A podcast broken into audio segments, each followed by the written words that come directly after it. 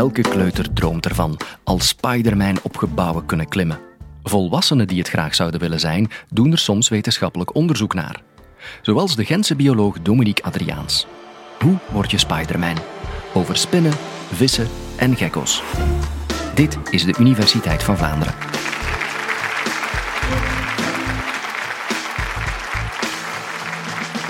Ik ben er zeker van dat uh, sommigen onder jullie altijd wel al een superheld hebben willen zijn. Batman bijvoorbeeld.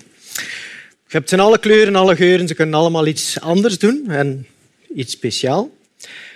Maar als je zo kijkt, bij heel wat van die superhelden hebben ze één ding gemeenschappelijk. Dat is namelijk, ze hebben bovennatuurlijke krachten die ze op natuurlijke wijze hebben verworven. Neem nu bijvoorbeeld de Hulk. heeft iets te lang in de radioactieve stralen gezeten. Daardoor slaat hij nu en dan zijn groen uit. Iron Man, dat is technologische innovatie, waardoor dat hij alles kan doen. Captain America is dan eerder medische innovatie, wat spiertjes bij en zo, en dan kan hij ook van alle stoten uitsteken. Spider-Man is ook zo één.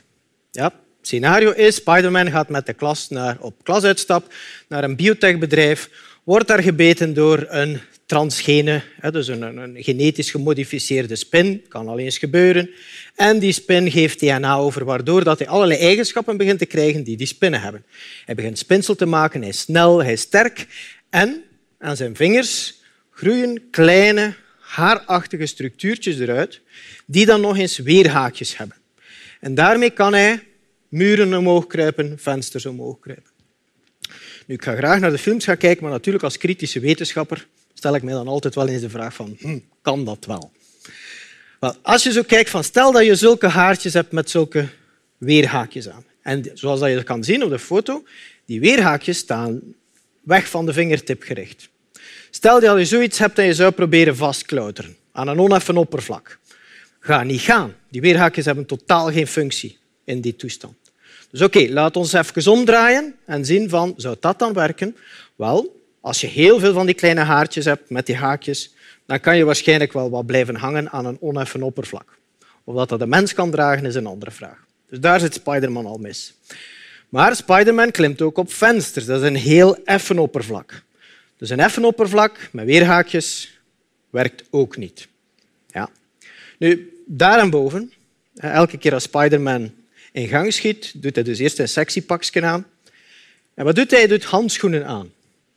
Dus die minuscuul korte haartjes zitten dan gewoon onder die handschoenen en dat gebruikt hij dan zogezegd om op vensters te klimmen. Dus het Spider-Man-verhaal vanuit wetenschappelijk standpunt hangt met uh, ogen en haken aan elkaar. Nu, hoe doen spinnen dat dan eigenlijk? Om de link even te maken. Wel, spinnen die produceren een vloeistof die, als hij in de lucht komt, wordt dat een spinsel. Dat worden draden die kleverig zijn, maar dat gebruiken ze niet om te klimmen. Ze gebruiken dat om een web te maken of om rechtstreeks prooien te gaan vangen. Wat gebruiken ze dan wel om te klimmen? Wel, dat zijn kleine haakjes aan de tippen van de poten. Maar kijk hier al, de richting van die haakjes die staan naar achter gelegd. De spinnen zijn in die zin slimmer dan Spiderman. Nu, dat werkt wel op wat oneffen oppervlak en voor kleine spinnetjes gaat dat ook werken op een glad oppervlak, maar bijvoorbeeld die dikke uh, kruispinnen die je nu gaat beginnen zien, die ga je zelden rechtstreeks op het glas zien, omdat die haakjes toch beperkt zijn. Nu, er zijn wel grote spinnen die effectief op glas kunnen blijven hangen. Vogelspinnen bijvoorbeeld kunnen wel effectief glas omhoog kruipen. Maar die kunnen dat doen omdat ze aan de tipjes van hun, vinger, van hun vingers, niet, maar van de pootjes, hebben ze kliertjes waarmee ze een kleefstof produceren. En daarmee kunnen ze blijven hangen. En dan heb je nog springspinnen. Dat zijn diegenen aan de rechterkant van de figuur die ook iets speciaals kunnen doen. Die kunnen op perfect glad oppervlak kruipen. Maar die kunnen zelfs nog grote afstanden overbruggen om te springen naar een prooi. Nu, om je af te stoten op een gladde ondervloer kun je best een goede grip hebben of je gaat gewoon ter plekke neergaan. Die hebben op hun pootjes heel veel kleine haartjes die zorgen dat er veel aantrekking is met dat glad oppervlak. En daardoor kunnen ze zich gaan afstoten. Je kan zich afvragen van, ja, maar oké, is er dan niks in de natuur die zou toelaten wat dat Spider-Man eigenlijk doet? Blijkt van wel. Dat is zelfs meerdere keren onafhankelijk van elkaar ontstaan. Men vindt dat bij insecten terug, men vindt dat bij kikkers terug, men vindt dat bij reptielen terug. Sommige vleermuizen hebben dat, sommige vissen hebben dat. Er zijn verschillende strategieën waarmee dat dieren zich effectief kunnen vasthangen. Als we kijken hoe dat vliegen dat doen, vliegen hebben aan het uiteinde van hun poten haakjes die naar achter gericht staan en een kleeforgaantje in het midden, die een soort kleefstof produceert. En zodanig dat als een vlieg over een oppervlak loopt en je zou met een microscoop daar gaan op kijken, dan ga je eigenlijk de voetsporen zien van die kleefstof. Rechts op de foto zie je de buikzijde van een vis die in een getijdenzone leeft, dus waar er heel veel golfslag is, en die leven op stenen. En die hebben dus aan de buik een grote zuignap waarmee ze zich kunnen vasthouden, terwijl ze ondertussen nog zich kunnen voeden, zonder dat ze constant weggeslaan worden. Nu, de kampioenen in het vastgrijpen aan de meeste oppervlakten en de meeste substraten, met de substraat bedoel ik dus een of andere materie die een of ander oppervlak heeft. De kampioenen daarin zijn de gekko's, een soort hagedissen, zoals dat je hierin kan zien. Kijk, hij zit hier mooi met zijn aanhechtingsstructuurtjes vast. Aan de onderkant van de poten en de vingers hebben die rijen met allemaal lamellen. En die lamellen bestaan allemaal uit minuscuul kleine haartjes. En elk van die haartjes zijn aan het uiteinde dan nog eens vertakt met allemaal kleine spateltjes. En die tippen zijn beweegbaar. En die spateltjes zijn enorm klein. Om een idee te geven, die zijn 200 tot 300 nanometer breed. Dat wil zeggen, 1 nanometer is een duizendste van een duizendste van een millimeter. Dus zo klein zijn die dingetjes. En doordat ze zo klein zijn en beweegbaar zijn, kunnen ze met heel veel van die dingetjes op gelijk welk oppervlak, of dat nu effen of oneffen is, contact maken. En dan berusten ze op passieve krachten om zich vast te gaan hechten. Dus passieve krachten, dat zijn dan fysische krachten die daar gewoon zijn, die hier nu ook zijn. En dat het passieve krachten zijn waarmee dat die gekko zich kan vasthouden, dat toont de volgende foto. Die gekko is al een half opgegeten door die mieren, maar hangt nog altijd met zijn vingers en zijn tenen vast. Nu, hoe werkt dat dan, passieve krachten? Wel, er zijn drie verschillende krachten die gekko's gebruiken.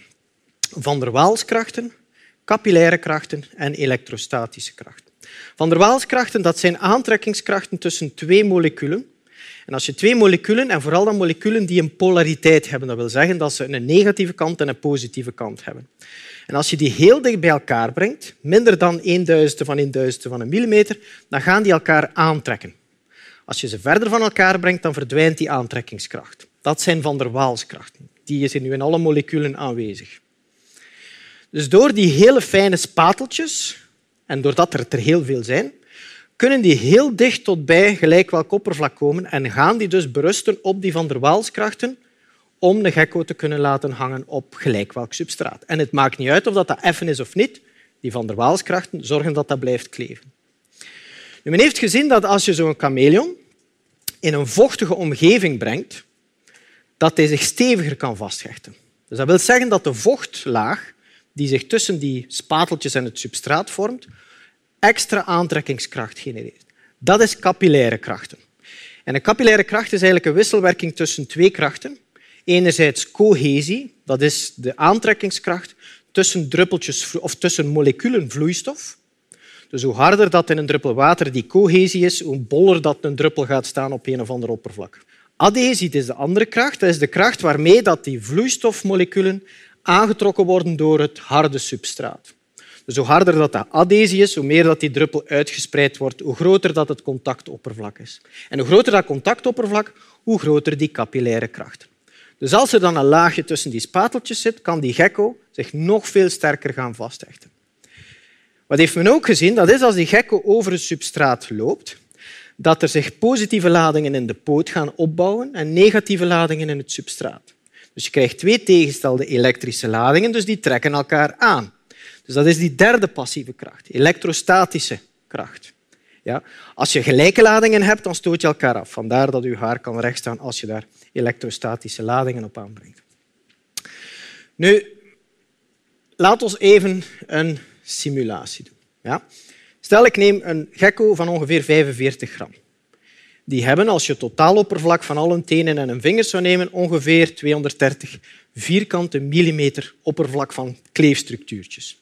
Die vingers en die tenen die kunnen tot 14.000 van die haartjes per vierkante millimeter hebben. Dus als je dat even omrekenen, dan heeft zo één gekko van ongeveer 45 gram 3.220.000 van die haartjes. En op elk van die haartjes kan tot 500 van die spateltjes staan. Nu, men heeft gemeten wat is nu eigenlijk de aantrekkingskracht die zo één spateltje kan genereren. En men heeft gemeten dat dat in een vochtige omstandigheid 18 nanonewton is. Nu, als ik dat even omreken met die 3 miljoen haartjes waarop 500 spateltjes staan, dan kom ik aan een totale kracht, mocht een gekko van 45 gram met al zijn vingers en zijn tenen tegelijk vasthangen met al die haartjes, dan genereert hij een kracht van 30 newton. Wat wil dat zeggen, 30 newton? Dat is de kracht die je nodig hebt om 3 kilogram te heffen. Een beest van 45 gram kan theoretisch gezien maximaal 3 kilogram trekken. Dat zou hetzelfde zijn als ik 5400 kilogram zou kunnen trekken. Nu, natuurlijk gaat de vraag stellen, ja, maar oké, allemaal heel spectaculair, maar dat zijn passieve krachten, dus die zijn daar constant. Ja, en dat trekt dus alles spontaan aan. Dus als die chameleon op ik weet niet wat oppervlak loopt, daar zit altijd wat vuil in, dan gaat hij toch heel snel volhangen met vuiltjes en dan heeft hij niks meer om vast te hechten. Dan valt hij overal af. Blijkt nu dat vuilpartikeltjes meer aangetrokken worden door het substraat dan door die fijne spateltjes. Dus er mag vuil aanhangen. Als hij een paar stappen gezet heeft, gaat het vuil er eigenlijk al afgegaan zijn, zodanig dat die spateltjes vrij blijven. Nu, ik zie je ook al denken van, oké, fysische krachten, die zijn daar constant. Hoe zet je dat af? Het is niet dat een gekko de eerste keer dat hij uit zijn ei komt, zijn poot zet en daar voor de rest van zijn leven blijft hangen. Ja. Wel, die hebben een zeer ingenieus systeem om met die haartjes om te kunnen gaan en die van der Waalskrachten en zo. Ja? Die hebben speciale spieren en pezen en die hebben bloedvaten aan de onderkant die die rijen met die haartjes wat kunnen bewegen en van richting veranderen. Nu, wat heeft men gezien? Men heeft de kracht gemeten van die individuele haartjes. Wat heeft men gezien? Ik ga mijn attribuut pakken. Het is niet dat ik er alle dagen mee rondloop. Als het zo'n spateltje is. Als men dat aanbrengt onder een kleine hoek, dan heb je die van der Waalskrachten die dat gaan doen aanhechten. Als je die hoek vergroot, dan verdwijnt die kracht en kan die spatel vlotjes los. Het tweede dat men gezien heeft, is als men de spateltje aanbrengt en dan even over het oppervlak wrijft, dan heb je nog veel grotere aantrekkingskrachten dan als je het er gewoon even tegen zet. Dus wat doet dat waarschijnlijk? Door die bloedvaten die die haartjes van positie kunnen veranderen, is dat als die zich neerzetten met de handen en de voeten, die haartjes worden even gegleden onder een goede hoek en ze moeten niet allemaal vasthangen, zolang dat hij maar zijn eigen gewicht en een beetje extra kan dragen. Ja? Nu, hoe geraken ze dan los? Dat was een logische eh, daaruit volgende vraag. Wel, hier hangen allemaal pezen en een gekko die kan, ik kan dat nu niet, of tenzij dat ik hier van alles breek, die kunnen hun vingers en tenen zo gaan opkrullen. Dat begint aan het uiteinde en dat krult, je kan dat hier zien op dat filmpje. Ja? Dus dat kan heel mooi opgekruld worden. Dus wat gebeurt er? Ze beginnen los te komen door dat tipje te plooien, verandert de hoek van die haartjes. Die komen los en zo kan hij dat allemaal gaan afrollen en die poten losmaken. En dat gaat heel snel. Hè? Het is dus niet dat je zo een gekko zo in horten en stoten ziet voorbij crossen, dat zo nu en dan nog een keer met een poot blijft hangen. Dat gaat allemaal heel snel. Je kan je afvragen, van, ah ja, kunnen we dan zoiets maken om Spider-Man te zijn? In principe wel. Hè. Als je iets maakt dat fijne uitstulpingen heeft, dat niet aan elkaar blijft hangen constant, dat wat plooibaar is, zodanig dat je oneffen oppervlak kan contact mee maken, dat liefst niet breekt na drie keer plooien, en dat ook niet te veel kracht vraagt om het er tegen te duwen om dan toch te blijven hangen. Dan zou je dat in principe kunnen maken. Nu, het probleem is gewicht ook. Een volwassen mens weegt natuurlijk veel meer dan zo'n gekko. En als ik nu bijvoorbeeld voor mij zou willen uh, handschoenen of gewoon schoenen maken waarmee dat ik muren kan omhoog lopen, dan zou ik eigenlijk een schoenmaat 145 moeten hebben. Geeft nogal wat praktische ongemakken um, in van alles en nog wat. Kunnen we dan echt niks maken à la Spider-Man? Wel, men heeft effectief, er is een studie gedaan, men heeft een simulatie gedaan van kijk, kunnen we geen ander materiaal gebruiken dat op diezelfde principes steunt, die passieve krachten, maar nog fijner is, zodanig dat je minder oppervlak nodig hebt. En er bestaat zoiets als koolstof-nanobuisjes. Dat zijn dus kleinste soort mogelijke buisjes dat je kunt voorstellen, die bestaan uit koolstofatomen die aan elkaar hangen. En als men een handschoen zou maken met die koolstofbuisjes, dan kan men, dus een gewone handschoen qua oppervlak en voeten, kan men tot 200 keer eigen gewicht gaan laten hangen. Dus in principe is het mogelijk. Dus om dan op de vraag terug te keren en daar een antwoord op te geven, hoe word je Spider-Man? Wel, met het juiste materiaal in de juiste vorm kan je blijven hangen aan de muur, maar je hebt nog altijd een goede conditie nodig om dan effectief omhoog te geraken. Leuk kwartiertje gehoord? Deel of like deze podcast dan. En als je er nooit nog één wilt missen, abonneer je. Je kan onze colleges uiteraard ook bekijken op de universiteitvandvlaanderen.be.